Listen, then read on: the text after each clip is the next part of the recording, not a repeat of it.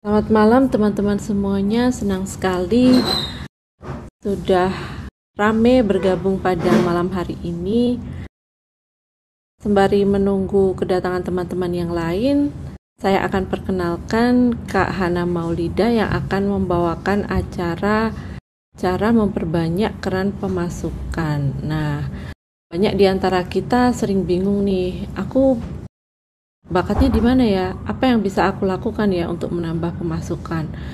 Kan kalau kita disuruh hemat-hemat mulu juga susah kan ya zaman sekarang promo di mana-mana, kemudian ya ada aja FOMO untuk ikut ini ikut itu. Yang penting mindful dulu ya kita.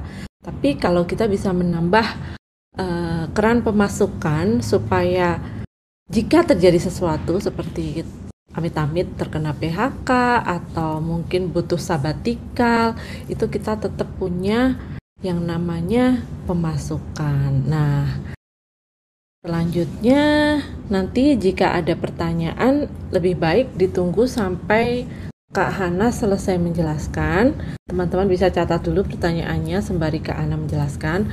Lalu jika ada dari antara teman-teman di sini yang memang sudah pernah melakukan menjalankan uh, cara memperbanyak keran pemasukan juga boleh sharing-sharing nanti akan kita beri kesempatan satu atau dua orang. Oke, selanjutnya saya serahkan ke Kak Hana. Silakan Kak Hana. Iya, terima kasih Kak Wulan udah mempersilahkan aku untuk uh, sharing malam hari ini. Teman-teman, suara aku uh, aman kan ya, Kak Wulan? Aman, jelas. Aman ya, jelas ya. Oke. Teman-teman, aku juga uh, sebelum aku share screen, aku juga mau izin uh, apa namanya untuk menaikkan ini di podcast aku. Jadi aku punya podcast namanya Dunia Wanita.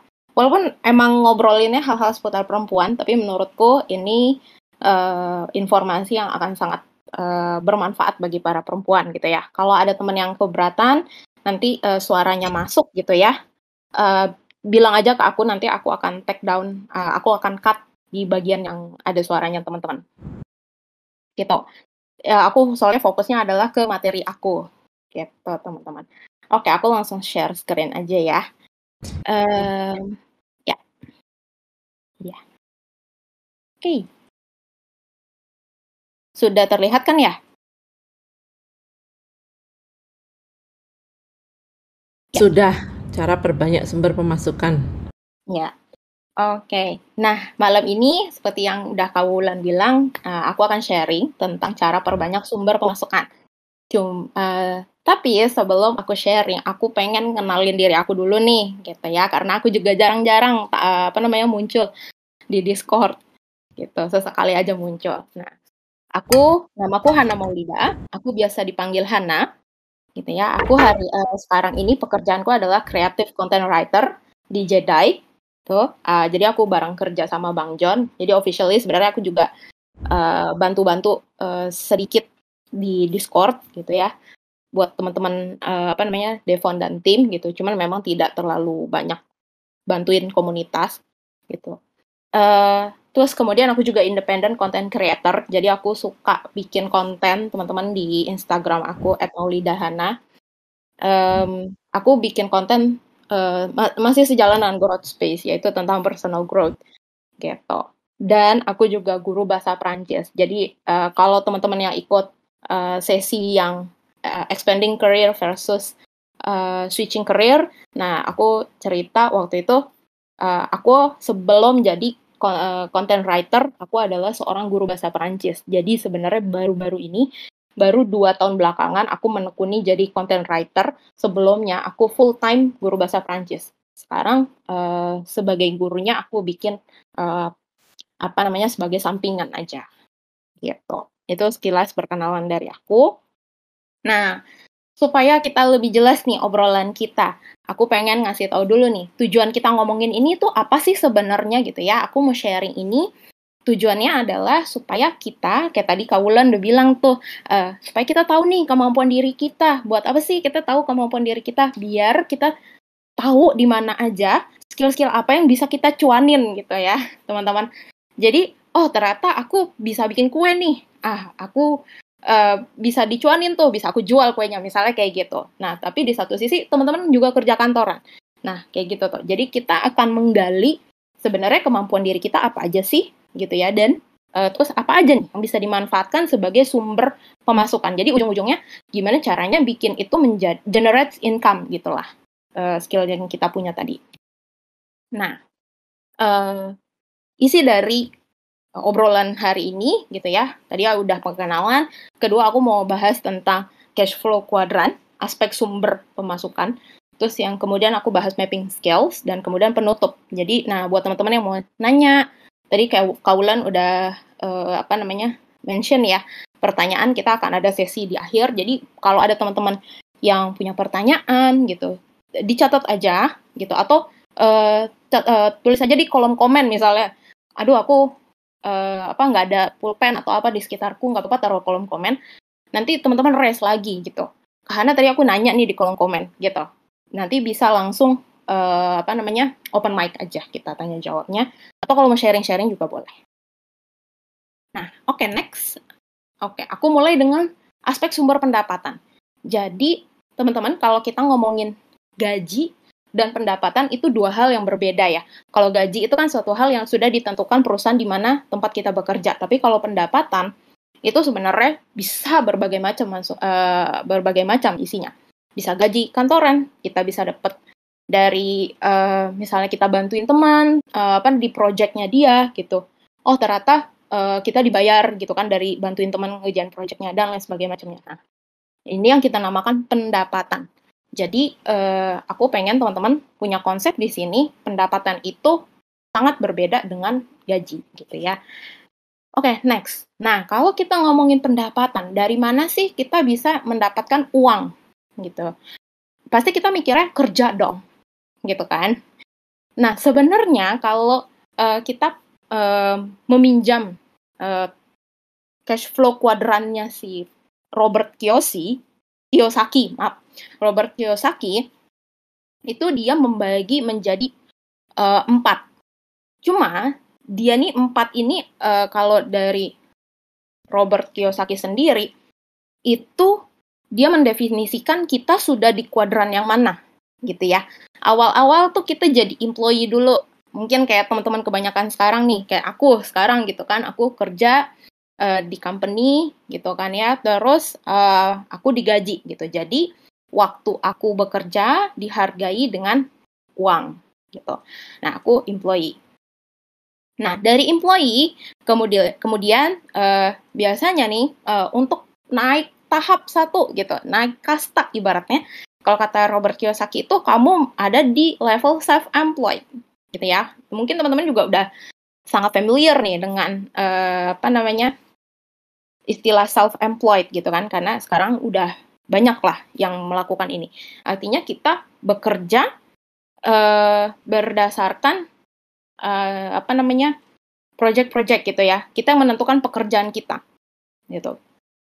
Jadi, nah ini, ini masih sama. Waktu diganti dengan uang gitu. Jadi kita ngejalan suatu project dari perusahaan A misalnya dalam kurun waktu uh, seminggu. Tapi dari saat yang sama misalnya kita juga dapat project nih dari uh, perusahaan B dengan kurun waktu sebulan misalnya. Itu kan self employed jadi kita mengerjakannya per project gitu ya. Kita ngambil uh, apa namanya kerjaan seperti itu. Nah itu juga sama konsepnya. Time uh, dibayar dengan uang. Tapi secara risiko tentu lebih tinggi resikonya si self employed kenapa karena dia pemasukannya tidak tetap gitu kan ya tiap bulan pasti beda-beda karena pekerjaan yang dia punya juga proyeknya mungkin tiap bulannya beda-beda seperti itu. Jadi uh, ini satu tahap lebih uh, tinggi gitu lah. Nah kemudian setelah itu kita masuk ke investor. Nah investor di sini kalau menurut si Robert Kiyosaki teman-teman kita kan kalau ngomong investor, oh artinya kalau gue nabung saham, gitu ya, gue beli saham tuh artinya gue investor.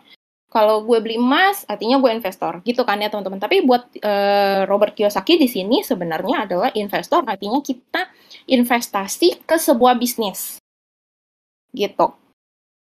Jadi ini misalnya nih teman kamu mau bikin kafe gitu. Aku Terus teman kamu nih lagi nyari modal. Ah, misalnya dia butuh modal 500 juta buat bikin kafe. Kamu nyumbang 100 juta gitu. Artinya kamu menjadi investor dari bisnisnya teman kamu. Nah, yang dimaksudnya Robert Kiyosaki eh, tentang investor itu yang seperti ini, teman-teman. Gitu ya. Jadi kita kasih duit, kita nggak kerja, duit dibayar duit. Makanya eh, apa gambarnya kayak gini. Nah, terus setelah itu yang kasta paling tinggi gitu ya, itu adalah business owner atau pemilik bisnis. Nah, sebenarnya ini ini adalah big business. Jadi bukan kayak tadi teman kamu mau bikin cafe gitu ya, itu kan bisa kita bilang dia business owner gitu kan, dia punya cafe. Nah, tapi yang dimaksud Robert Kiyosaki ini adalah uh, big business. Jadi bisnis yang sudah mempekerjakan uh, seribu ke atas pekerja. Gitu. Jadi jumlah karyawannya itu udah banyak. Gitu. Nah, di saat uh, kamu sudah menjadi business owner, artinya kamu sudah tidak tergantung lagi gitu pada pekerjaan gitu. Artinya kamu memberdayakan orang gitu ya, employee kamu untuk mendatangkan income. Gitu. Nah, ini cash flow quadrant by Robert Kiyosaki. Dia juga kayak ya udah, nih kamu masuk yang mana nih? Kamu employee, self-employed, investor, business owner. Gitu. Nah, kalau di sini gitu kan berdasarkan pemikirannya si Robert Kiyosaki, karena employee itu di kasta paling rendah gitu kan jadi kita mikirnya oh jadi uh, sekarang nih uh, yang gue lakukan itu satu hal yang aduh receh banget ya gitu kan rasanya gitu kan dan karena di kasta paling rendah sedangkan investor itu di kasta paling tinggi jadi investor itu yang terbaik gitu ya atau business owner business owner itu yang terbaik gitu jadi di kasta ini nih nah di sini sebenarnya ya dengan menggunakan uh, cash flow kuadrannya Robert Kiyosaki, aku berpikiran lain nih. Gitu. Kalau tadi kita hanya mendefinisikan diri kita masuk ke kuadran yang mana, aku ingin men-challenge sebenarnya. Yaitu, menurutku, nggak semua orang bisa jadi pebisnis. Gitu. Jadi buat teman-teman yang ngerasa kayak, aduh bisnis kayaknya nggak gue banget deh, gue orangnya nggak um, suka resiko gitu misalnya. Gue enakan yang ya yang aman-aman aja lah. Nah kalau yang tipikal begini kan berarti nggak cocok ya teman-teman. Sama uh, apa namanya cash flow kuadrannya si Robert Kiyosaki. Gitu ya karena di mana berarti kamu kalau mau yang uh, wow banget pemasukan kamu banyak tuh kamu harus jadi business, business owner. Kamu harus jadi investor gitu sedangkan nggak semua dari kita bisa menjadi seperti itu jadi uh, aku men-challenge nih di sini Kan nggak semua orang bisa bisnis, terus gimana dong? Nah, yang kedua, challenge aku adalah terlalu mengkotak-kotakan definisi baik. Gitu. Tadi ya, employee itu ah receh. Yang keren tuh uh, yang paling wow tuh pendapatannya kalau kamu business owner dan investor.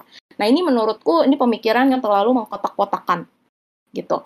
Padahal sebenarnya semua sumber pemasukan ini di kuadran ini gitu ya, bisa kita maksimalkan dan bisa kita perluas. Gitu. Jadi, aku berpikir gini, instead of mikir uh, aku ada di employee, business owner, self-employed atau investor di satu titik aja, gimana kalau uh, kita bisa nggak ya kalau aku ada di empat titik gitu atau kayak misalnya ih ambis banget loh empat titik gitu kan ya udah uh, bisa nggak di at least banget dua titik gitu ya, employee dan self-employed atau employee dan investor gitu ya. Atau mau apa? Kamu business owner, mau business owner dan investor, business owner self-employed terserah. Tapi bisa nggak kita berada di lebih dari satu kuadran gitu teman-teman. Nah, kenapa aku berpikir kayak gitu? Karena lagi menurutku kalau pikiran kita masih or gitu ya, or mindset atau mindsetnya tuh masih atau A atau B, employee atau self-employed. Gitu. Itu kadang uh, itu melimitasi diri kita. Mungkin kita bisa ubah aja tuh si kata atau menjadi dan. Bisa nggak ya aku jadi employee dan self-employed? Bisa nggak ya aku jadi employee, self-employed, dan investor? Gitu teman-teman. Mungkin dengan pakai N mindset ini, kita akan lebih terbuka nih peluang-peluang, oh ternyata aku bisa memperluas sumber pendapatan aku gitu. Nah, masih uh, balik lagi ke cash flow kuadrannya Robert Kiyosaki. Terus gimana dok? Kita pakainya. Nah, ini versi aku ya. Versi aku untuk memperluas uh, apa namanya pendapatan kita, memperbanyak keran pendapatan kita dengan memanfaatkan cash flow kuadrannya Robert Kiyosaki. Kan kita biasanya berawal dari employee ini ya. Ini aku uh, apa namanya ambil mayoritas aja ya teman-teman. Kebanyakan kan kita memang jadi uh, pegawai kantoran gitu ya. Kalau buat teman-teman yang business owner mungkin nanti uh, bisa uh, berbeda lagi, bisa disesuaikan uh, pola yang aku kasih di sini. Jadi teman-teman yang employee gitu kan, sekarang kan kita uh, mungkin pemasukannya bergantung pada gaji, bergantung pada seberapa banyak uh, yang company kasih ke kita, ya kan. Nah terus kita sebenarnya paling gampang itu melangkah ke kuadran yang mana? Ke kuadran investor, teman-teman. Nah, di sini aku juga mau meredefinisi makna investor yang ditawarkan sama Robert Kiyosaki ini. Kalau tadi kan investor itu invest ke bisnisnya langsung gitu ya. Aku pengen ya udah karena invest ke suatu bisnis itu biasanya uh, lebih uh, risiko, ya, lebih berisiko ketimbang uh, ke produk-produk perbankan. Jadi aku pengen ngajak teman-teman kita invest di produk-produk perbankan.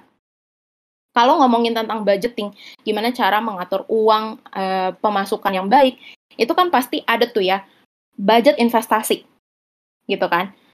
Uh, simpelnya mungkin teman-teman pernah uh, apa namanya mendengar metode 50 30 20. 50% buat uh, pema, apa namanya kebutuhan sehari-hari, terus 20% buat uh, investasi, 30% buat kebutuhan sekunder atau lifestyle. Nah, ini kan cara cara kita mengatur keuangan kita. Nah, itu kan ada budget investasi tuh, teman-teman. Budget investasi ini, gitu ya, sebisa mungkin emang kita lakukan itu. Kita alokasikan, kita harus punya budget investasi. Supaya apa? Supaya kita jadi investor. Gitu. Terus mungkin banyak teman-teman juga yang mikir gini, tapi kan Han, kalau gue investasi, itu kan nggak nambah pemasukan gue kali, itu bakalan nambah pemasukan gue kalau gue jual. Misalnya karena kita taunya investasi apa sih yang paling gampang? Reksadana, saham, emas, SBN, gitu ya teman-teman ya. Biasanya mungkin teman-teman udah uh, apa namanya familiar dengan empat produk investasi ini. Dan empat produk investasi ini uh, seperti reksadana, saham, uh, dan emas itu kan hany kita hanya akan merasakan manfaatnya ketika kita jual, gitu ya. Kita jual saham kita, kita jual reksadana kita, kita jual uh, apa namanya emas kita. Betul. Tapi teman-teman, sebenarnya ada loh investasi-investasi yang uh, ber apa namanya uh, berkontribusi terhadap cash flow kita. Karena salah satu syarat uh, produk investasi itu adalah memberikan kontribusi terhadap cash flow. Tapi nggak semua ya. Itu salah satu syarat aja dari produk uh, produk investasi. Kalaupun nggak ada, nggak masalah. Sebenarnya saham, teman-teman kalau misalnya teman-teman nabung saham nih, kalau teman-teman bilang ah saham itu tidak tidak memberikan uh, kontribusi terhadap cash flow kita, enggak loh teman-teman saham itu bisa memberikan kontribusi terhadap cash flow kita tanpa kita jual. Kenapa? Dalam bentuk apa itu? Dividen. Ada perusahaan-perusahaan yang tiap tahun gitu ya, ketika dia menghitung keuntungannya gitu ya, wah gue untung sekian, udah deh, gue kasih deh, misalnya 10% keuntungan gue, gue jadiin dividen. Gitu ya, gue bagi-bagi deh ke investor gue. Ada teman-teman. Aku termasuk yang alhamdulillah uh, aku invest di perusahaan-perusahaan yang sangat ramah terhadap pembagian dividen gitu jadi lumayan gitu uh, walaupun itu tiap tahun ya tapi kan itu ngasih ke cash flow dong ke kita. Gitu kan. Walaupun kayak ah dividen seberapa sih Hana? Paling cuma 15 perak per lembar saham. Kalau kita ngomongin investasi harus think big. Artinya apa? Mikirnya harus besar. Karena semakin besar modal kita semakin besar juga returnnya kita. Gitu ya teman-teman. Bayangin kalau 15 perak, aku juga gitu uh, di apa namanya uh, portofolio uh, saham aku. Iya sih, cuma 15 perak. Iya sih, dia ngasih cuma 30 perak gitu kan ya. Tapi aku punya 1000 lembar saham. Lumayan loh. 15 kali 1000 gitu ya. Aku atau aku punya 100 ribu lembar saham. 15 kali 100 ribu lembar saham. Itu lumayan. Gitu. Ya, teman-teman. Jadi, uh, kita mikirnya harus besar lumayan kan misalnya dapat 150 ribu uang dividen ya beli skincare gitu kan. Skincare gratis gitu. Atau 15 uh, 150 ribu. Atau misalnya dapat 200 300 ribu dari dividen lumayan sangat lumayan gitu ya. Walaupun itu juga per tahun. Nah tapi emangnya bisa? Emangnya ada yang per bulan? Aku mau per bulan. Ada banget gitu. Kalau kita ngomongin produk perbankan gitu ya teman-teman masih dalam ranah eh, saham reksadana dan lain-lainnya. Itu ada yang namanya SBN surat berharga negara. E, nanti nih akan keluar sukuk retail 017. Teman-teman bisa kepoin di Instagramnya at DJPPR Kemenkeu. E, jadi, kalau SBN itu, itu jenisnya tuh ada ORI, S, e, ORI, ada SBR, gitu ya. Nah, yang syariah itu ada sukuk. Sukuk tabungan, sukuk retail. Uh, ini dia itu ngasih keuntungannya tiap bulan teman-teman. Jadi beda banget sama si uh, saham dan reksadana dan emas gitu ya. Karena kalau dia kan kita mengalami penambahan nilai gitu. Kalau ini enggak gitu. Kita misalnya uh, kita investasi uh, misal uh, dia minimal tuh investasinya satu juta. Tapi nanti di uh, keuntungannya gitu ya, dia bilangnya kupon. Kuponnya itu dibagikan tiap bulan gitu dan tiap uh, apa namanya SBN seri SBN itu punya uh, kupon yang nominalnya beda-beda. Gitu ya. Ada yang uh, eh, 8% per tahun per tahun ya teman-teman. 8% per tahun uh, ada yang uh, 7% per tahun ada yang 6% per tahun gitu. Uh, kalau kita hitung ih kecil lah bandingin sama deposito. Gitu. Deposito eh, SBN itu pasti uh, persentase keuntungannya lebih besar daripada deposito. Dan kalau kita bandingin ke uh, negara lain gitu ya, uh, surat berharga negaranya itu biasanya negara lain paling nggak uh, ada yang nyampe uh, sangat sedikit negara yang memberikan di atas 5% keuntungannya gitu. Jadi sebenarnya Indonesia tuh termasuk yang baik gitu ya. Dia bisa ngasih 6%, 7%, 8%, bahkan waktu itu pernah gitu uh, itu berpengaruhnya terhadap uh, apa namanya cash flow kita. Jadi kita dengan misalnya nih lagi lagi lagi ya uh, teman-teman think big gitu. Kalau misalnya investasi, kita punya uang, kita kumpulin dulu uangnya misalnya. Eh, gue punya nih 20 juta. 20 juta misalnya kita taruh di uh, SBN gitu. Misalnya. Nah, 20 juta itu gitu ya, 8% per tahun. Ini aku uh, kasar-kasaran aja ya. Misalnya, oh itu ternyata menyumbang 100 ribu misalnya gitu. Cuma 100 ribu per bulan aku tuh dapatnya aku dengan aku 20 juta. Nah bayangin 20 juta misalnya dapetnya 100 ribu per bulan. Lumayan kan 100 ribu buat makan seminggu. Gitu. Bayangin kalau kita bisa 500 juta. Bayangin kalau kita bisa 100 juta gitu. Mungkin kita bisa nggak kerja gitu. Cuma ngandelin dari SBN misalnya gitu teman-teman. Karena banyak juga uh, sebenarnya untuk SBN ini banyak dipakai sama uh, para generasi boomers gitu ya yang sudah pada pensiun tapi dia melek finansial akhirnya uang pensiunnya dia taruh di sana dia taruh di SBN gitu ya biasanya SBN itu akan memin, apa mengendapkan uang kita itu selama 2 sampai 3 tahun gitu ya. Jadi kita dapat nih returnnya selama 2 sampai 3 tahun itu ditransfer terus tiap bulan. Gitu. Begitu teman-teman. Uh, nanti kalau mau tanya-tanya SBN bisa nanti lah di sini. Tapi intinya investasi itu bisa sangat bisa uh, berkontribusi terhadap cash flow kita. Mau investasi yang uh, apa ya kuno gitu misalnya uh, bikin kos-kosan, itu kan juga investasi yang berpengaruh pada sumber pendapatan kita gitu kan ya. Jadi jadilah investor. Nah di sini karyawan terus jadi investor. Terus kemudian uh, in, kalau jadi investor itu uh, apa modalnya adalah ilmu. Satu kita harus ngerti ilmu investasi yang kedua adalah pinter-pinter ngatur uh, keuangan kita. Gitu. Yang kedua, habis itu kalau dari employee ke investor, terus selanjutnya adalah self-employed masuknya, langkah self-employed.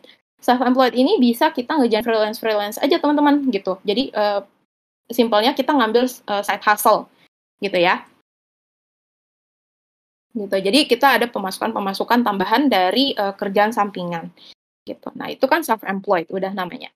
Nah, kalau teman-teman yang merasa uh, oh, gue tuh bisa bisnis, gue ngerasa uh, gue berani berbisnis, gue bisa lah menuntut ilmu bisnis gitu. Gue suka dengan bisnis gitu ya udah kenapa enggak gitu teman-teman belajar menjadi seorang business owner gitu yang kecil-kecilan aja dulu gitu misalnya apa uh, misalnya teman-teman uh, mau jualan uh, apa eh uh, aku ternyata kayak tadi ya misalnya aku ternyata bisa bikin kue nih gitu ya aku buka deh uh, apa namanya open PO cake gitu ya.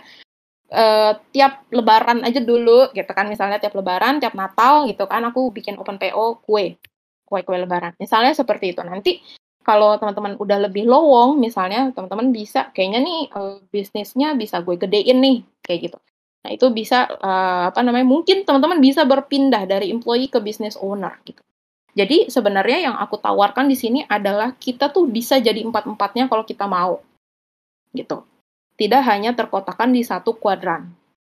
Nah, ini kuadran mana yang mau kita pilih, yaitu balik lagi ke kita mau yang mana. Nah, oke, okay, next. Nah, jadi dengan begini, aku uh, recap dikit ya, dari employee, biasanya uh, valuable employee, kita berusaha, nah ini juga teman-teman, jadi kalau kerja di kantor, jangan kerja asal kerja. Kenapa? Karena mikirnya gini, mungkin karena, oh tadi si Hana bilangnya, uh, yang penting tuh caranya adalah dari employee oke okay, gue jadi uh, pegawai terus gue atur dengan baik pemasuk uh, apa namanya gaji gue sekarang biar gue investasi habis itu nanti gue ca cari side hustle nggak cuma sekedar itu tapi sebenarnya kita supaya jadi employee itu juga kita penting menjadi seorang valuable employee. Artinya apa? Kita uh, menjadi kita berusaha menjadi karyawan terbaik gitu. Bukannya harus dapat title ya. Oh ini the best uh, apa namanya? The best staff of the month gitu. Nggak harus dapat yang kayak gitu-gitu. Enggak teman-teman. Tapi gimana caranya kita meningkatkan value kita? Kita asah terus skill kita kita tambah skill kita gitu. Sehingga karir kita di kantor juga bagus kalau karir kita di kantor bagus income kita makin tinggi gitu kan kalau income kita makin tinggi kan yang enak kita juga gitu. Bisa aja mungkin di awal-awal kayak oh ya uh, aku uh, self employed dulu nih gitu. Tapi ternyata along the way karir aku bagus gitu. Kayaknya aku nggak perlu self employed lagi deh. Atau misalnya mau kebalik. Oh karena karir aku bagus uh, apa namanya terus juga self employed aku uh, freelance freelance aku juga ini sangat berkembang. Aku kayaknya lebih milih freelance deh gitu. Tapi kita mengasah skill kita itu ketika kita jadi karyawan gitu itu bisa banget teman-teman kayak gitu. Gitu ya. Nah, terus apa namanya dari employee ini kita atur keuangan kita jadi investor. Jadi dari employee ini strateginya dua. Kita atur gaji kita dan kita belajar gimana caranya naikin income kita. Gitu. Jadi kita juga berusaha nih untuk terus edit value ke diri kita. Terus kemudian investor, belajar investasi dan selalu invest tiap bulan. Nah, supaya uh, apa namanya nilai investasi kita berkontribusi banyak terhadap cash flow kita, tentu aja kan modalnya harus besar. Jadi supaya sedangkan kita kan nggak punya nih sekali modal jebret 100 juta misalnya. Nah, cara paling apa namanya mudah dan sebenarnya paling menguntungkan juga ya, itu adalah dengan konsisten investasi tiap bulan. Gitu. Terus kemudian mau self employed atau business owner mau expanding atau mau shifting career. Nah, itu kamu yang tadi yang aku udah bilang ya, kamu yang tentukan sendiri. Kamu mau perluas, ngambil beberapa kuadran, atau at, at the end, aku kayaknya jadi yang kuadran ini dan ini aja. Misalnya aku self-employed dan a business owner aja, oke. Okay. Atau aku mau employee dan business owner aja, fine. Gitu. Nah, Terus gimana tuh caranya supaya kita bisa uh, punya tadi ya bisa self employed, kita bisa jadi business owner gitu ya. Gimana tuh caranya? Nah, ini aku mau uh, ngasih dan uh, caranya adalah dengan kita mapping skills. Aku yakin teman-teman itu punya skill. Gitu ya. Teman-teman tuh pasti punya skill. Gitu. Cuma masalahnya kadang kita nggak nggak menyadari gitu. Kita tuh punya loh teman-teman skill itu gitu. Nah, supaya kita bisa menyadari itu semua, kita butuh apa sih? Nah, kita butuh yang namanya self awareness atau intrapersonal intelligence. Nah, menurut aku ini adalah the most underrated skill. Skill yang paling gak dianggap sama orang. Padahal kalau kita punya skill ini, kita sangat bisa memaksimalkan semua potensi diri kita. Gitu ya. Memaksimalkan walaupun kita lagi ngomongin duit ya di sini, ngomongin pemasukan bukan berarti semua potensi diri kita kita jadiin duit gitu. Enggak juga, tapi maksudnya setidaknya bisa kita kembangkan, saling mendukung satu sama lain gitu untuk akhirnya kita menjadi diri yang paling baik, versi paling baik dari diri kita. Kayak gitu, teman-teman. Ini bahasanya kalau kita mungkin lebih kenal dengan self awareness, tapi kalau di ranah uh, apa namanya ting, uh, kecerdasan gitu ya, uh, Howard Gardner itu bilang uh, dia merumuskan teori sembilan kecerdasan manusia. Kita ini punya sembilan kecerdasan teman-teman. Tapi uh, di mana sembilan ini uh, porsinya beda-beda gitu ya uh, mana yang lebih dominan itu beda-beda. Nah, salah satu dari sembilan tersebut adalah intrapersonal intelligence. Intrapersonal intelligence itu adalah suatu kemampuan untuk mengetahui satu pengetahuan tentang diri kita. Sebaik apa sih kita mengenal diri kita? Dan ternyata itu sebuah kecerdasan, teman-teman. Gitu. Balik lagi ya, kecerdasan itu kita semua punya nih, sembilan-sembilan ya, termasuk intrapersonal intelligence. Teman-teman semua tuh punya.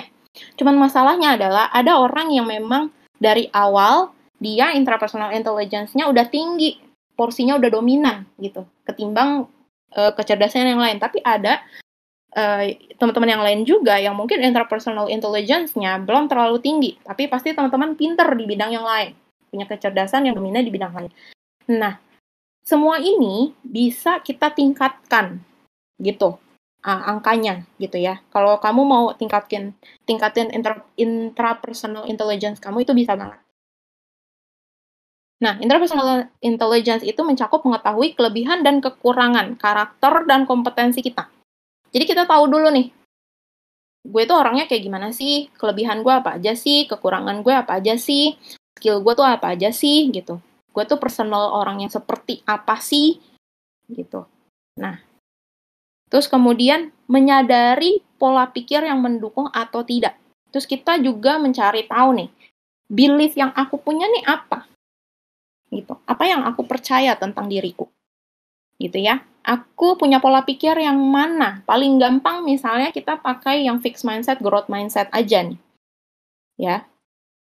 Jadi fixed mindset uh, itu uh, mungkin teman-teman juga udah pada tahu ya fixed mindset itu pemikiran yang mengatakan bahwa oh aku itu adalah produk jadi gitu ya aku nggak bisa lagi diapa-apain. Beginilah aku. Nah itu fixed mindset. Tapi kalau growth mindset adalah so, pola pikir yang mengatakan bahwa aku bisa mencapai apa pun yang aku mau. Gitu. Nah kita sadarin dulu nih kita punya pola pikir yang mana? Kita punya pola pikir yang mendukung nggak untuk mencapai apa-apa yang kita inginkan gitu ya untuk mencapai hal-hal yang bermanfaat gitu buat kita teman-teman. Terus kita perlu juga gitu dengan intrapersonal intelligence kita jadi paham gaya belajar kita tuh kayak gimana. Kenapa aku bilang di sini aku masukin kita perlu tahu gaya belajar kita kayak gimana. Karena untuk mengasah skill bahkan untuk menambah skill itu kan butuh belajar ya teman-teman dan proses belajar itu jangan kita sempitkan hanya pada ranah oh ketika aku terdaftar sebagai siswa di satu sekolah atau mahasiswa di satu universitas artinya aku belajar. Enggak, teman-teman. Belajar itu harusnya kita lakukan sepanjang hidup sampai kita usia kita habis itu harusnya kita tetap belajar. Nah, supaya kita bisa belajar secara maksimal, kita harus paham dulu saya tuh orangnya kayak gimana. Saya audio atau visual atau audio visual atau kinestetis cara belajarnya aku tuh gimana sih oh otak aku tuh on kalau tengah malam gitu ya jadi percuma nih kalau aku belajar sekarang gitu ya gue ngantuk gitu ya udah tidur aja bangun jam 3 pagi, bangun uh, jam 12 malam misalnya, jam 1 pagi, bangun. Nah, itu ternyata wah, itu otak gue on-on banget tuh di situ. Ya udah belajarlah di jam-jam tersebut. Misalnya kayak gitu, teman-teman. Ada teman-teman yang otaknya onnya di jam sekarang nih. Belajar ya udah belajar kayak gini. Kayak gitu. Jadi, kita harus tahu nih gaya belajar kita kayak gimana. Gitu. Jadi tahu jamnya kapan gitu dan tahu juga uh, style nya sendiri gitu ya apakah kita mendengarkan apakah dengan uh, apa namanya uh, harus melihat gitu ya harus dibantu dengan visualisasi visualisasi macam-macam itu kalau teman-teman sudah mengetahui itu bayangin teman-teman bisa uh, acquire apa ya uh, mendapatkan gitu ya satu skill dengan lebih mudah dengan lebih cepat pastinya gitu dan ini skill juga yang banyak diminta perusahaan kalau teman-teman sadar karena biasanya di lowongan pekerjaan itu kan suka ada ya tulisannya kan ya apa pembelajaran cepat gitu kan fast learner, agile apa. Semua itu butuh ini teman-teman. Kalau kita paham diri kita orangnya kayak gimana, cara belajar kita kayak gimana, percayalah yang namanya agile, fast learner itu pasti kita bisa. Gitu. Oke. Nah, cara itu tadi adalah uh, dengan mapping skill. Oke, okay. jadi dari interpersonal skills tadi, gimana sih uh, supaya aku tahu skill-skill apa aja yang aku punya. Kalau tadi ya, uh, aku balik sebentar ke interpersonal intelligence, itu menyadari dulu nih, aku orangnya kayak gimana dan lain sebagainya. Oke, setelah kamu tahu ini, oh kita lari ke mapping skills. Ini udah sempat aku share juga di uh, sesi sebelumnya ya di expanding career versus switching career Uh, jadi intinya aku di sini agak cepat sedikit gitu ya teman-teman. Jadi intinya di sini adalah aku memapping skill yang aku punya tuh apa aja. Uh, jadi misalnya gini, aku punya skill bahasa Prancis, aku bisa bahasa Prancis, aku ngerti financial planning, aku ngerti marketing, aku bisa nulis, gitu ya. Nah, terus dari skill-skill ini, uh, baru deh, gitu, kita mapping ke uh, ini aku bisa jadi profesi apa aja ya yang mendukung skill ini. Gitu misalnya bahasa Prancis, oh aku bisa jadi guru, bisa jadi penerjemah, aku juga bisa jadi content creator gitu kan untuk uh, cara belajar bahasa Prancis misalnya atau bahkan ngajar bahasa Prancis di YouTube misalnya. Atau aku bisa jadi apa trainer buat guru gitu. Terus aku bisa nulis. Nulis ini aku bisa punya kemampuan menulis dan aku punya ilmu marketing. Ini bisa aku manfaatkan jadi profesi apa? Nah, ini. Nah, teman-teman kemarin aku uh, dapat pertanyaan kayak gini. Kok aku ujung aku sudah melakukan yang Hana bilang nih, bikin kayak gini. Tapi kok aku ujung-ujungnya uh, apa ya? Aku selalu dapat profesi yang itu-itu aja. Yang kayak selama ini aku dijalanin gitu. Uh, kok nggak aku nggak dapat yang baru ya?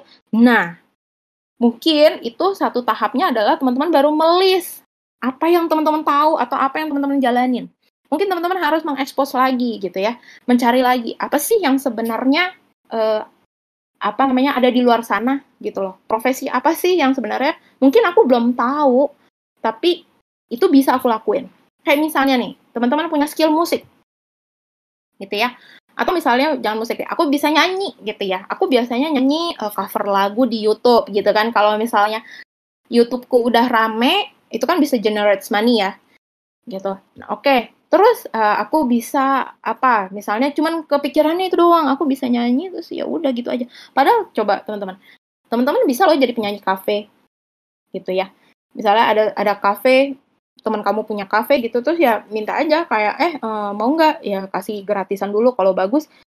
Uh, kayaknya uh, tamu-tamu lo suka nih, lo mau nggak gue nyanyi di sini lo bayar gitu misalnya ya, gitu. Atau kamu bisa jadi penyanyi apa buat event-event gitu kan teman kamu uh, nikah, teman kamu ulang tahun atau ada kerabat saudara dan lain sebagainya yang nikah ulang tahun, kamu tampil di situ mereka bayar.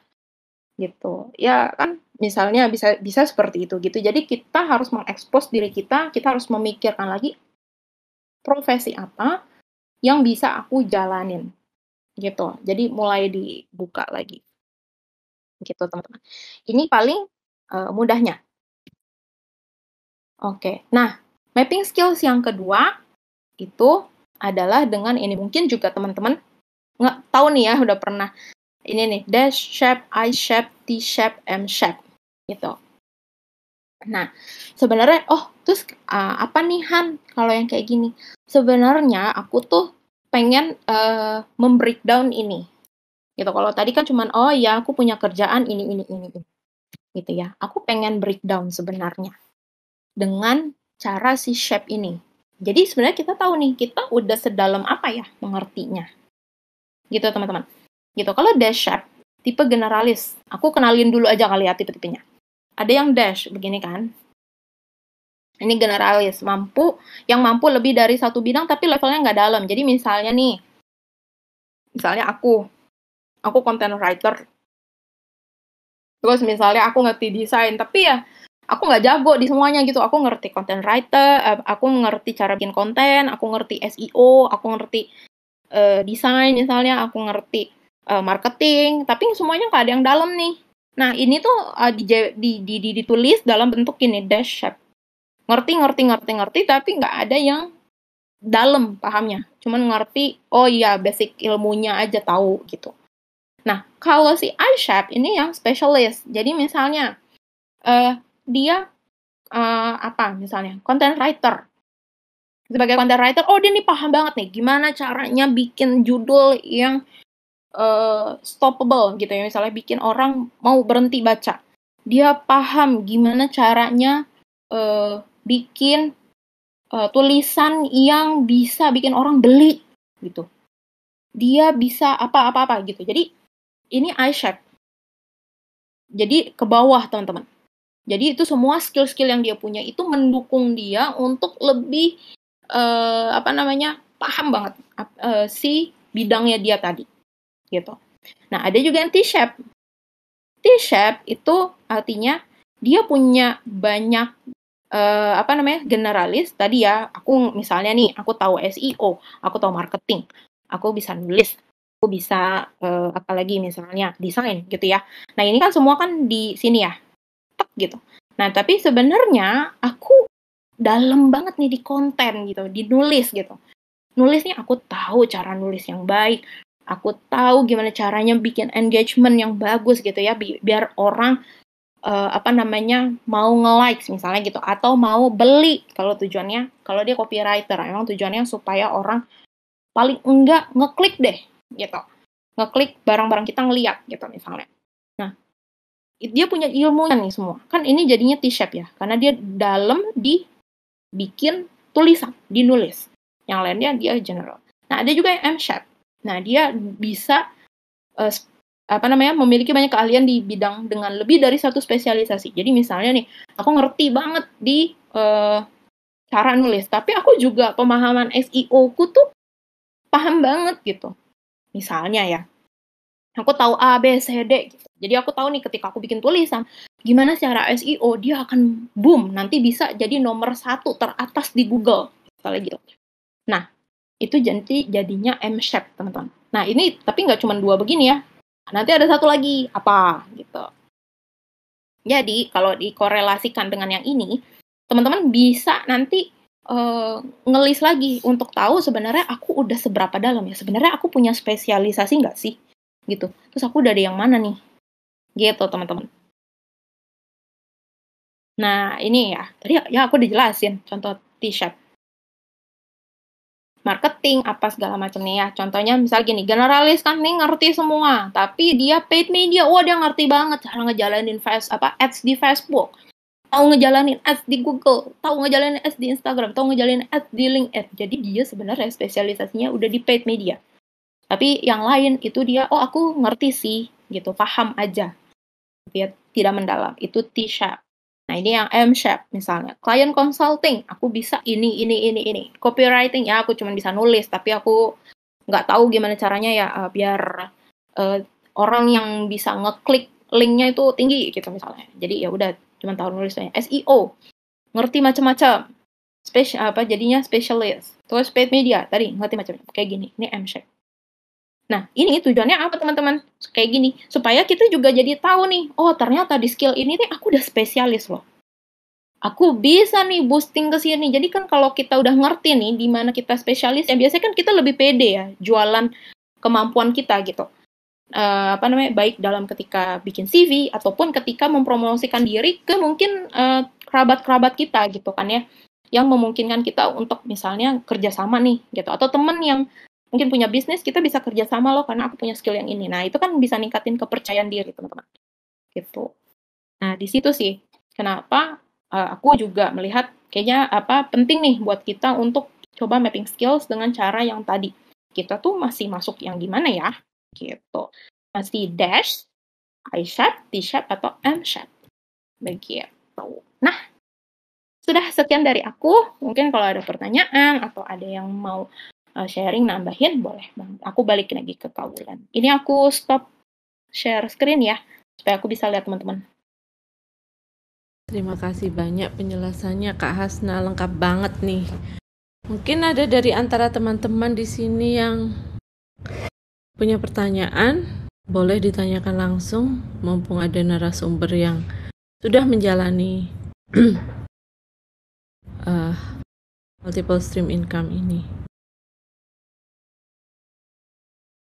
Silakan jangan malu-malu, langsung open mic aja. Halo. Oh, Oke, okay, halo, halo. Kak, Dengan mau tanya. Iya, Calvan di sini kak. Di sini tuh di mana ya? Di daerah mana? di di server Discord ini. Oke, okay, ya. ya. Kak, mau tanya, uh, tadi kan kita uh, tentang apa namanya uh, penyadaran diri terhadap skill-skill yang kita punya, gitu kan ya.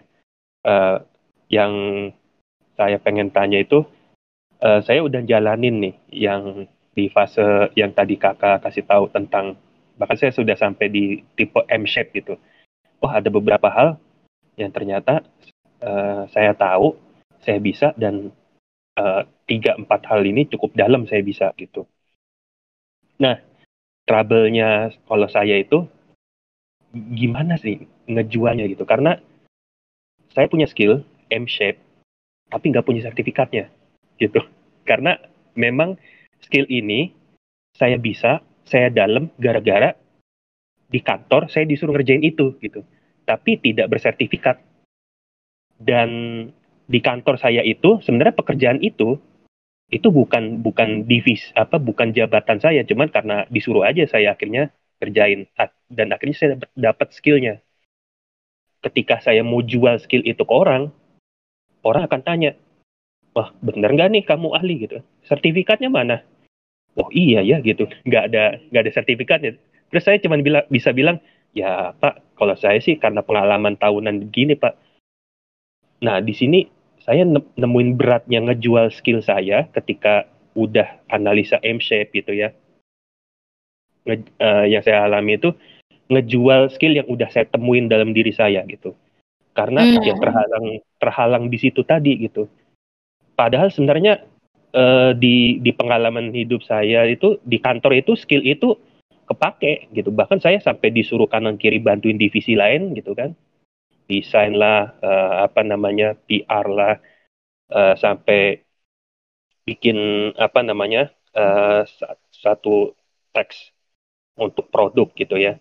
Hmm. Tapi terhalang itu tuh, terhalang hmm. nggak punya sertifikat gitu. Jadi memang secara formal nih, kalau orang mempertanyakan, udah kalah saya gitu. Nah, kalau dalam posisi kayak saya kayak gini, saya harus ngapain nih supaya saya bisa jual skill saya. Paling itu aja kak. Terima kasih kak. Oke, thank you juga pertanyaannya. Ini bagus banget nih pertanyaannya. Gimana caranya gue ngejual skill? Wah. Nah, kalau tadi dengerin apa namanya uh, apa namanya uh, penjelasannya Kak Avan gitu ya. Itu sebenarnya tadi tuh Kak Avan udah bagus tuh. Kak Avan udah tahu nih. Oh, ternyata di sini aku butuh uh, sertifikat gitu. Oke, gimana coba aku mundurin lagi ke worst case gitu ya. Aku nggak tahu gimana bener-bener cara jual skill aku. Yang pertama yang harus dilakukan adalah teman-teman, teman-teman cari kira-kira siapa ya yang butuh skill ini. Gitu. Teman-teman jawab pertanyaan itu dulu. Siapa yang butuh skill ini? Gitu. Kalau udah ketemu, kan nanti teman-teman ngelis tuh ya. Oh oke, okay. kayak misalnya nih yang butuh skill aku misalnya adalah uh, perusahaan apa misalnya uh, yang pun uh, bergerak di bidang apa misalnya kayak gitu ya. Atau yang seperti apa atau uh, teman yang butuh apa gitu misalnya. Gitu, oke. Okay? Jadi siapa nih yang butuh skill aku? Misal contoh aku gampang aja ya, nyanyi misalnya. Aku bisa nyanyi aku ngerti musik, aku bisa main musik, aku bisa nyanyi. Jadi sebenarnya aku pakai komplit komplit lah misalnya gitu ya. Tanpa uh, kalau orang mungkin nyewa band gitu. Kalau aku aku bisa nih organ tunggal sendirian gitu. Atau misalnya aku bisa nih akustikan sendirian, suaraku bagus, aku bisa main musik gitu. Nah, ini kita harus tahu siapa yang butuh kita. Misalnya yang butuh kita adalah orang-orang yang punya event. Gitu. Terus siapa lagi? Uh, ini aku kasih contoh aja ya, teman-teman. Siapa siapa lagi yang butuh skill ini? gitu. Terus yang kedua, atau misalnya gini, profesi apa yang kira-kira membutuhkan skill ini. Jadi kalau ada tulisannya dicari profesi A gitu misalnya, aku bisa ngelamar tuh di situ as a freelancer misalnya gitu. Atau aku kalau mau switching career, oh aku bisa tuh ke situ, itu masih masuk tuh ke aku misalnya gitu ya. Jadi tahu dulu siapa yang butuh ini.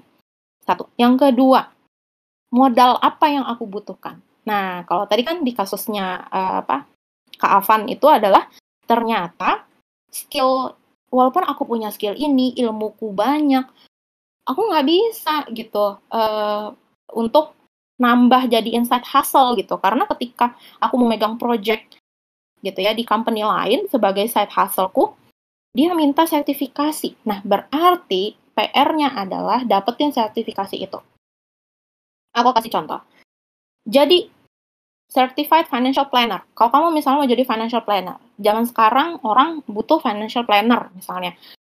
Kayak aku nih ya, aku uh, tadi kayaknya aku juga uh, apa namanya nge-share di Niku mapping skillsku. Uh, mungkin aku bisa share screen lagi. Share screen. Nah ini dia. Nah di sini teman-teman kalau teman-teman perhatiin itu uh, aku kan nulis aku punya ilmu financial planning gitu ya terus aku bilang oh siap kira-kira profesi apa ya yang aku bisa jalani dengan ilmu yang aku punya ini content creator.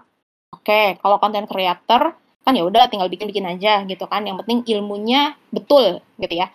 Nah terus adalah aku bisa jadi independent advisor. Jadi ternyata teman-teman, kenapa aku bisa menulis independent advisor? Ketika aku sharing di sosmed tentang financial planning, itu banyak teman-teman aku, uh, saudara-saudara aku yang minta bantuan aku untuk uh, kasih tahu gue dong gimana caranya gue ngebenerin keuangan gue.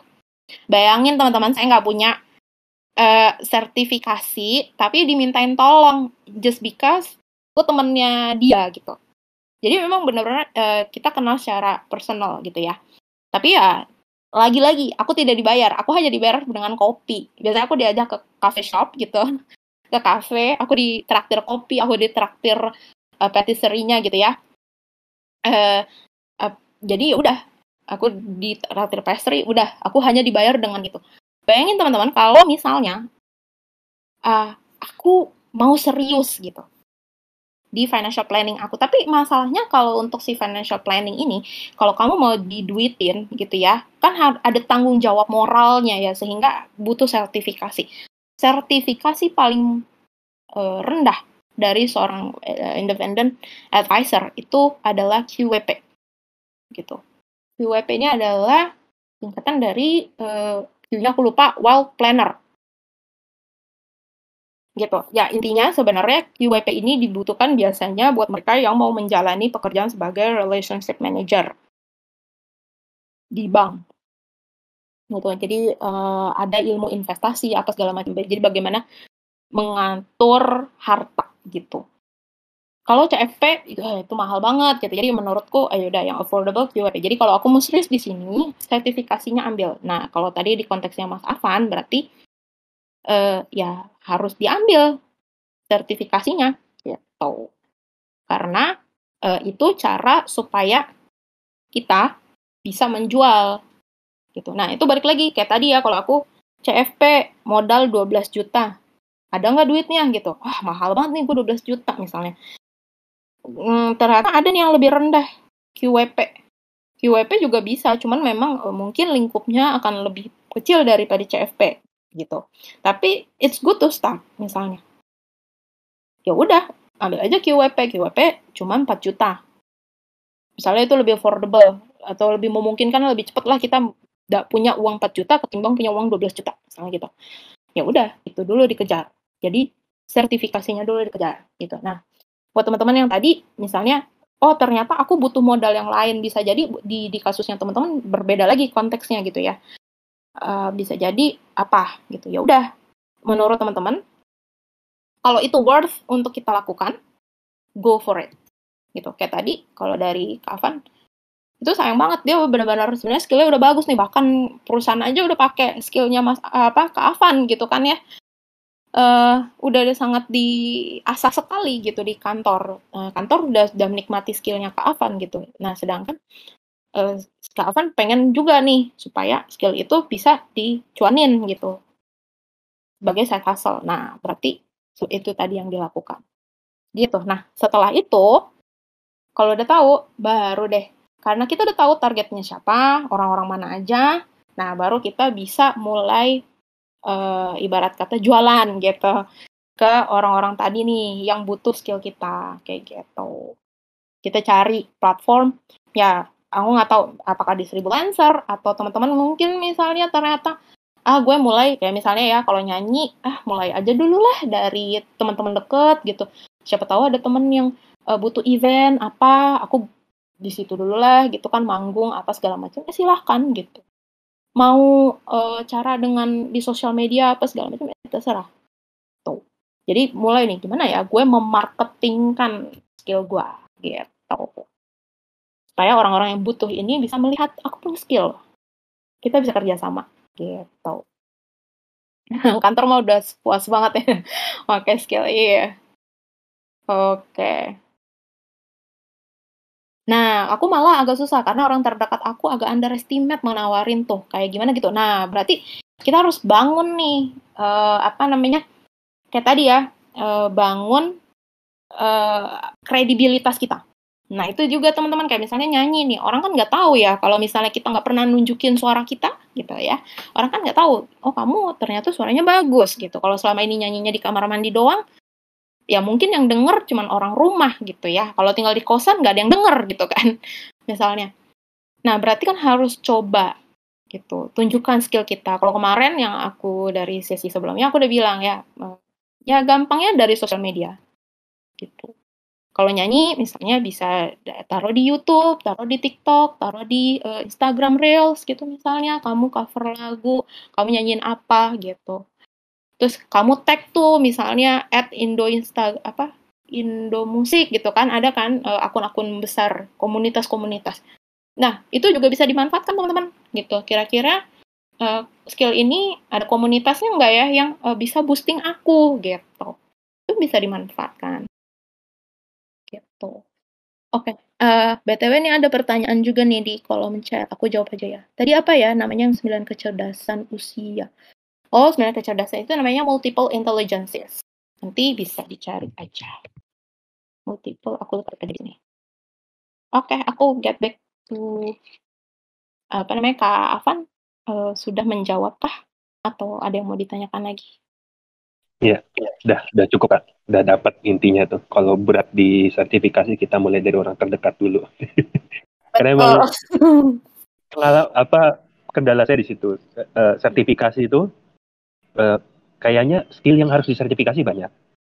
Hmm. Uh, harga harga sertifikasinya juga 7, 8, 12, 15. Wow gitu ya. dengan gaji yang kita dengan total yang nggak segitu, obat juga gitu kan.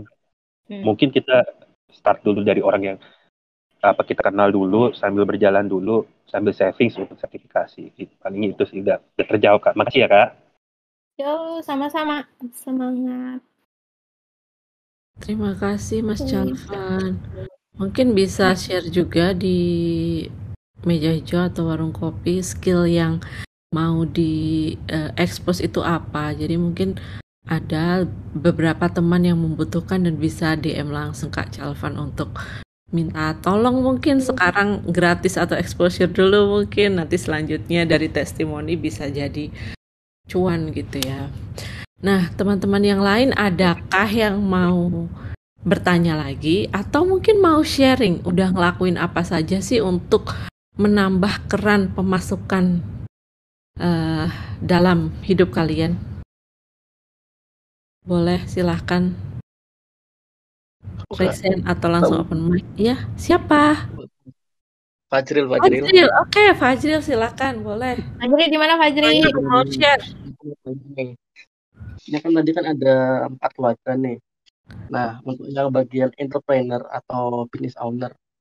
Nah, hmm. kan, kan ada banyak banget nih info-info. Ada yang tipikal entrepreneur yang dia emang cerdas dan mau kerja keras ada juga yang tipenya dia nggak punya skill tapi channel networkingnya banyak ada juga orang yang uh, bisa senggol kanan kiri uh, untuk pencitraan untuk maklar project-projectnya asal dapat sama orang yang cuma entrepreneur cuma hahihi pamer-pamer aja. Untuk beda ini gimana ya? Kita kalau mau jam ke business owner atau investing? Nangkep nggak maksud aku? Aku belum dapat pertanyaannya maaf maaf. Hmm.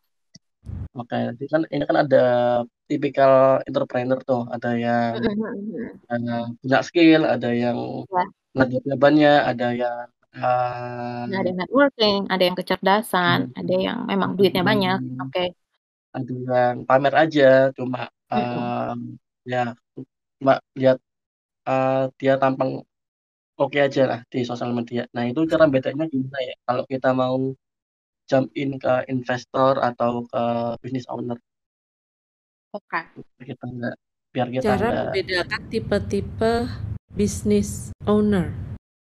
Yes. Kalau kamu mau jadi investor, tapi investornya bisnis, gitu ya? Yes, betul. Hmm, oke. Okay.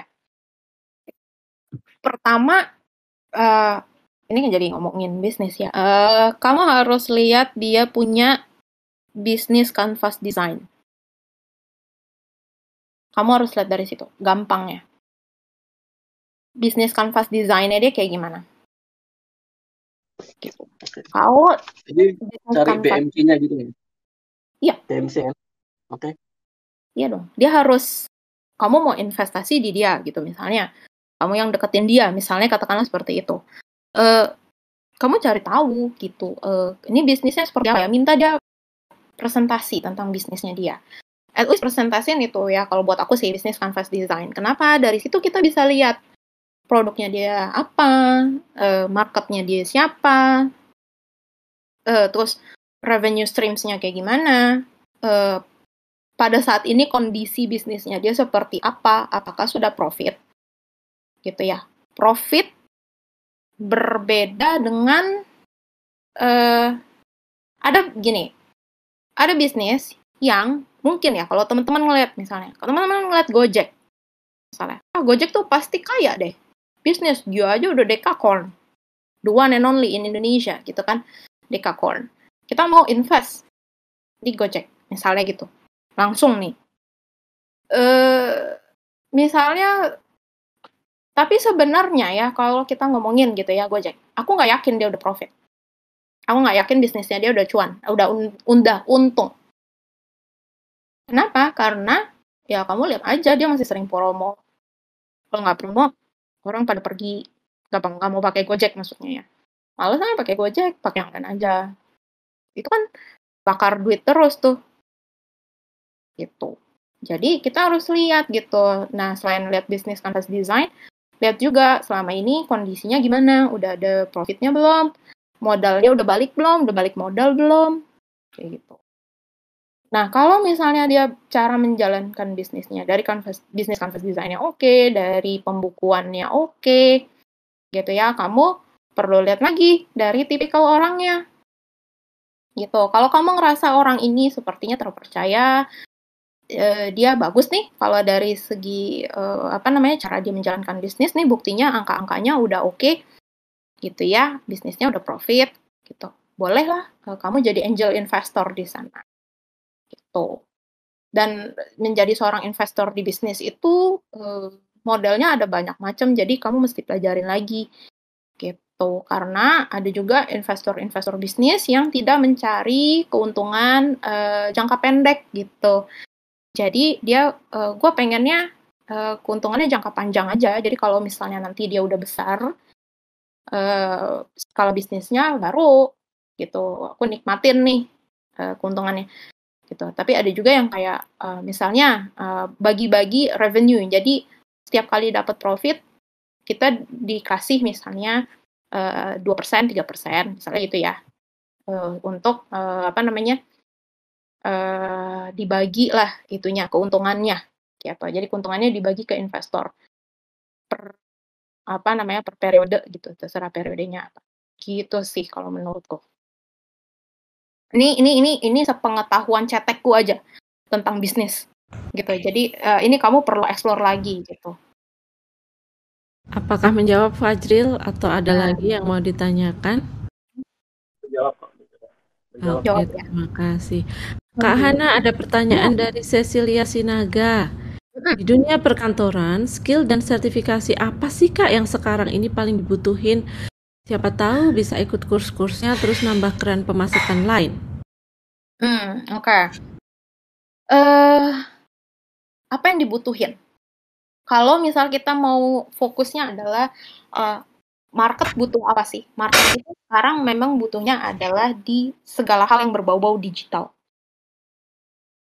Contohnya digital marketing, data scientist, uh, eh, UI UX, itu kan sekarang seksi banget ya.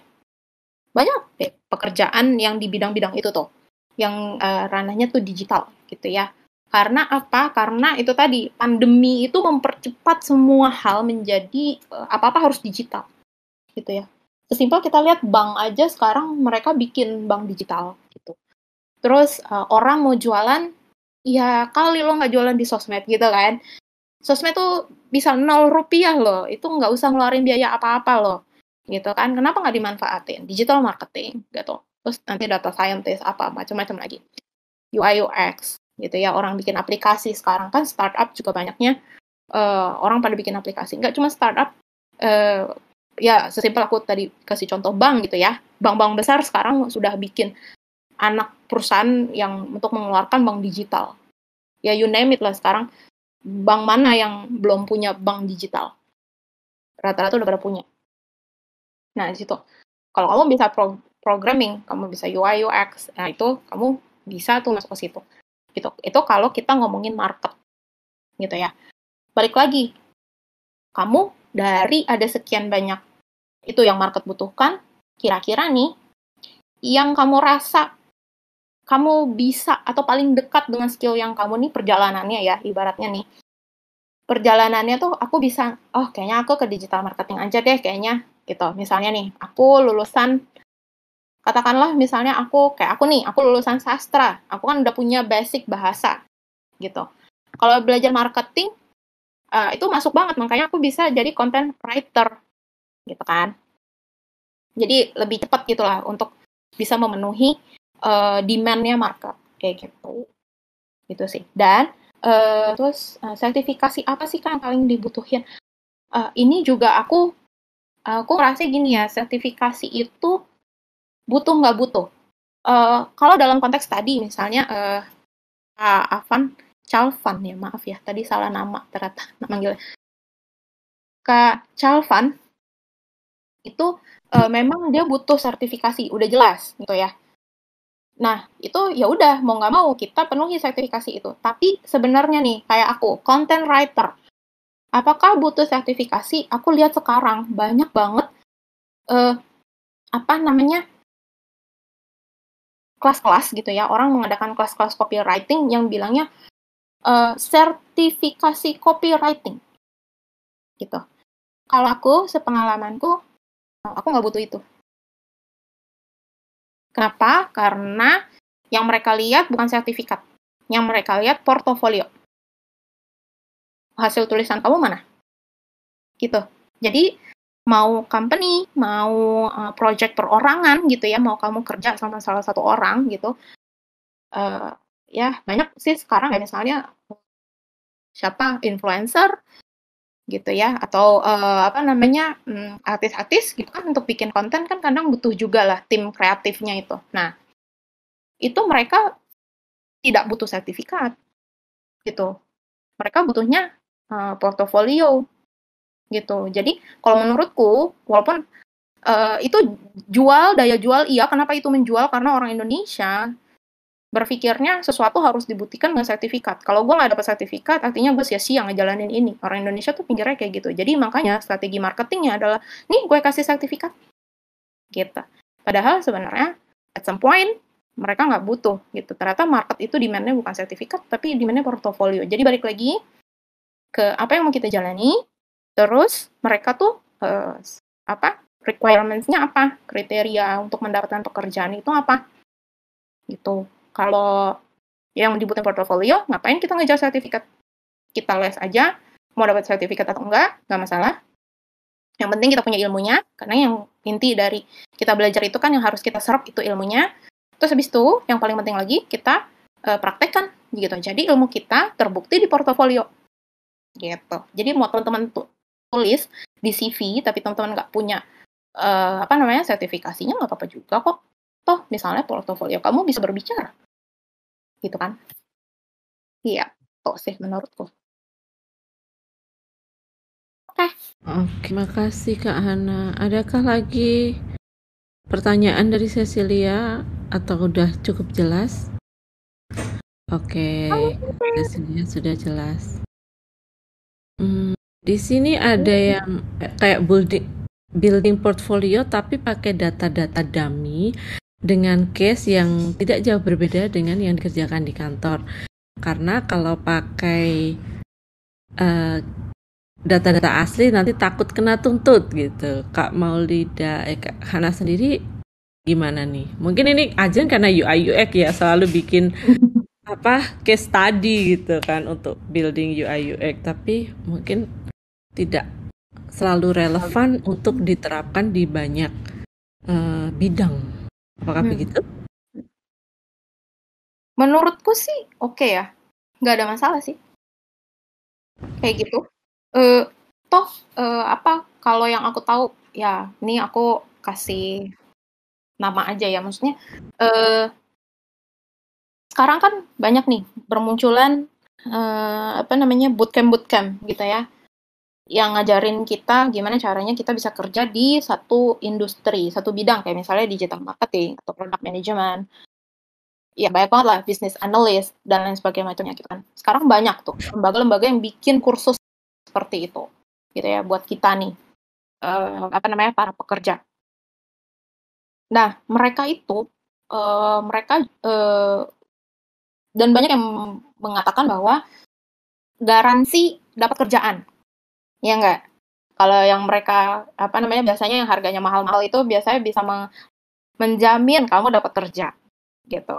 Atau at least uh, ini bisa lo jual loh skillnya gitu. Bisa lo taruh di CV gitu kan. Nah itu gimana caranya teman-teman? Kok bisa sih dia bisa menjamin kayak gitu? Salah satunya yang mereka racik di kurikulumnya mereka itu adalah itu tadi case study portofolio bangun portofolio gitu. Jadi mereka belajar, mereka dikasih case, case tadi yang uh, apa real tapi mungkin ya itu tadi di di di, di otak-atik aja gitu ininya eh, data-data yang uh, apa namanya uh, sensitifnya itu ya, yang confidential orang nggak boleh tahu gitu. Ya itu diubah-ubah aja. Toh kita masih dapat kan polanya gitu. Oh iya, masalahnya seperti ini gitu. Maksudnya masalahnya tetap sama walaupun uh, misalnya angkanya berbeda gitu. Terus apa namanya nama perusahaannya kita ganti misalnya kayak gitu. Itu kan tetap aja gitu. Masih case-nya masih sama gitu. Dan mereka itu ngerjain project projectnya itu mereka jual nanti ke company gitu. Mereka e, menyertakan portofolio. Jadi ketika mereka ngelamar gitu ya teman-teman itu di, di project yang mereka kerjain selama kursus gitu itu mereka lampirkan ini loh hasil aku gitu jadi si company ini juga bisa ngelihat, oh kamu udah ngerjain kayak gini gini gini ya, oh kamu udah belajar ini, terus kamu ada case study, kamu uh, apa namanya ngerjain ini, gitu. Itu bisa dijual. Nah itu makanya aku bilang portofolio, gitu. Kalaupun tadi yang dami gitu ya nggak masalah. Gitu. Uh, mereka pun melakukan hal yang sama, maksudnya yang si kursus-kursus itu. Oke oke. Jelas banget ya teman-teman. Mungkin yang belum dapat sertifikat atau terkendala biaya untuk mengambil sertifikasi bisa dimulai dengan building portfolio aja. Ya, sesimpel screen cap ucapan terima kasih klien juga bisa jadi portfolio loh gitu kan. Misalnya Kak Maulida Hana bantu seorang anak belajar untuk tes ujian bahasa Prancis dia bilang makasih kak ujian Prancis gue dapet 90 nih oke okay, screenshot jadi portfolio tuh Iya. Testimoni ya kan, I'm a good teacher gitu kan. Ayo yang lain mau belajar bahasa Prancis sama aku gitu. betul betul betul. Ya, adakah lagi yang ingin ditanyakan atau mungkin pengen sharing aja sudah melakukan apa sih untuk mungkin ada yang udah punya 3 sampai 4 atau 5 um, keran yang tiap bulan mengucur deras mengisi ember-ember kalian yang tiap bulannya bocor karena mesti bayar uh, pajak bulanan. Mungkin Kak Johnson mau share atau tanya Aulika? Um, sebelumnya Kak Wulan, aku okay. mau ini dulu nih. Jadi teman-teman, uh, kalau nanti teman-teman ada pertanyaan gitu ya. Nah, karena kemarin tuh uh, Kak Wulan ternyata ada juga yang mau nanya tuh baru kepikiran pertanyaan tuh setelah sesi gitu atau setelah tadi yang hmm. ngebedah melakukan uh, apa namanya mapping skills yang tadi aku kasih itu baru ada pertanyaan nah kalau teman-teman uh, terjadi seperti itu gitu ya bisa langsung kontak aku di apa namanya di Discord gitu ya langsung DM aja tapi kalau misalnya di Discordnya lama dibalesnya bisa langsung ke Instagram aku aja ini uh, nama Instagramku sama persis dengan nama uh, apa Discordku @maulidahana gitu. Jadi langsung DM aja. Nah, BTW aku uh, waktuku terbatas nih, mungkin kalau teman-teman mau sharing bisa lanjut. Tapi aku izin undur diri. Bagaimana Kaulan? Boleh, terima kasih banyak teman-teman di sini yang sudah stay tune sampai akhir. Terima kasih juga buat Kak Hana yang udah berbagi uh, cerita tentang bagaimana memperbanyak keran pemasukan. Nanti kalau memang teman-teman ada butuh langsung sama Kak Hana bisa DM di Instagramnya kalau mau yang direspon cepat karena mungkin kalau di Discord Kak Hana tidak begitu aktif ya. Maksudnya karena banyaknya yang harus dihandle tiap hari. Jadi nggak mungkin semua sosmed dibukain juga kan? Oke terima kasih banyak mungkin satu penutup dari Kak Hana sebelum meninggalkan channel Discord ini oke uh, kalau dari aku uh, ini sebenarnya kalau teman-teman nanti mau ngobrol apa segala macam lanjut setelah aku keluar uh, silakan aja ya. Tapi kalau uh, untuk kata kata-kata penutup buat aku adalah uh, teman-teman jangan pernah batasi diri kita. Karena biasanya yang sebenarnya menutup keran-keran pemasukan tadi itu gitu ya. Hal-hal yang ini nih bisa gue cuanin nih. Itu kadang uh, mindset kita sendiri. Makanya aku tadi ngajak teman-teman untuk ayo uh, apa namanya tingkatin self awareness gitu ya. Terus uh, tingkatin interpersonal intrapersonal intelligence kita. Terus apa nih yang perlu kita tahu dari diri kita? Itu tadi gitu ya. Kita harus pahami karakter kita tuh kayak apa. Dan bagaimana kita menghandle, memperbaiki karakter kita yang buruk-buruk gitu. Atau kekurangan kita nih gimana ya? Supaya kita bisa perbaiki sedikit demi sedikit gitu. Terus kita harus tahu cara kita belajar dan lain sebagainya macamnya gitu ya, teman-teman. Jadi dari pola pikirnya aku ini mau menyebarkan semangatnya growth space gitu ya. Namanya juga growth berarti kita juga harus growth mindset. Kita nggak pernah kita bisa kok menjadi apa pun yang kita mau gitu. Kita bukan suatu benda yang ya udah kalau gunting ya dipakai buat ngegunting aja gitu kita bukan kayak gitu tapi kita bisa menjadi apa pun ya semuanya bisa dengan usaha gitu